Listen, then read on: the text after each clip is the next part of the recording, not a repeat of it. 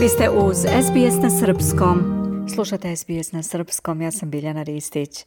Državljanin Južne Koreje Hong Chang-yun, koji je u martu 2023. uhapšen na Podgoričkom aerodromu, zajedno sa takozvanim južnokorejskim kriptokraljem Do Kwonom, izručen je početkom sedmice iz Crne Gore u Južnu Koreju dok ona inače traže Sjedinjene države i Južna Koreja, a njih dvojicu uhapsile su crnogorske vlasti dok su pokušavali da se ukrcaju u avion privatne kompanije Alliance Jet spreman za let do Dubaja.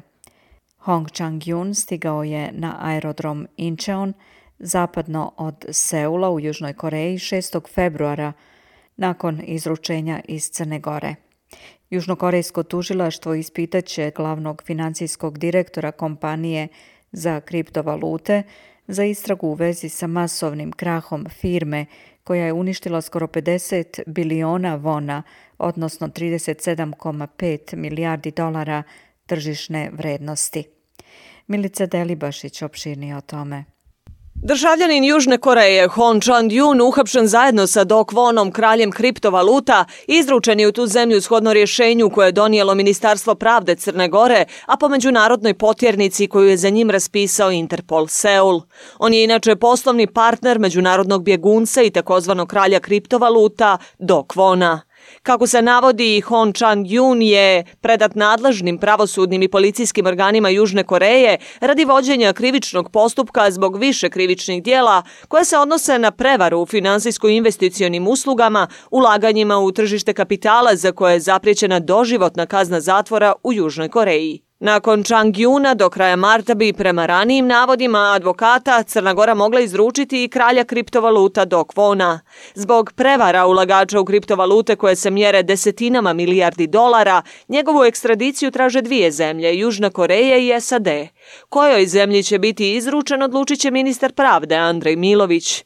No, do toga još nije došlo s obzirom na to da se predmet o izručenju Južnokoreanca trenutno nalazi u apelacionom sudu koji odlučuje po žalbama odbrane na rješenje Višeg suda, a u čijoj odluci se navodi da su ispunjeni uslovi za izručenje objema državama. Dok se čeka stav apelacijonog suda o sudbini do Kvona, crnogorska javnost sa nestrpljenjem čeka Skupštinski odbor za bezbjednost zakazan za 9. februar, a na kojem će o slučaju kralja kriptovaluta biti saslušan upravo ministar pravde Andrej Milović. Na odboru bi se prema ranijim najavama Milovića mogao pojaviti i svjedok koji će potvrditi kome je i kada bivši ministar unutrašnjih poslova Filip Adžić govorio o tome ko je preko granice prebacio do Kvona. A u specijalnom tužilaštvu je prije par dana u svojstvu podnosioca krivične prijeve u ovom slučaju Milović i dao iskaz. Kako je naveo na Twitter nalogu, u SDT-u je podijelio sve informacije kojima raspolaže, a u cilju doprinosa istrazi i pravičnom rješenju ovog veoma bitnog slučaja.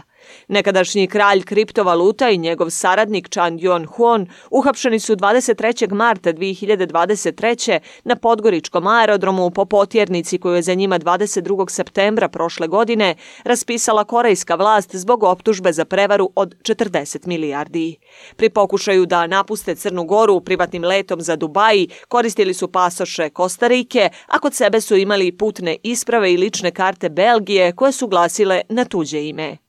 Nekadašnji kralj kriptovaluta je bio u centru afere oko navodnog finansiranja pokreta Evropa Sad i njegovog lidera Milojka Spajića, koji je uveđu vremenu izabran za premijera Crne Gore.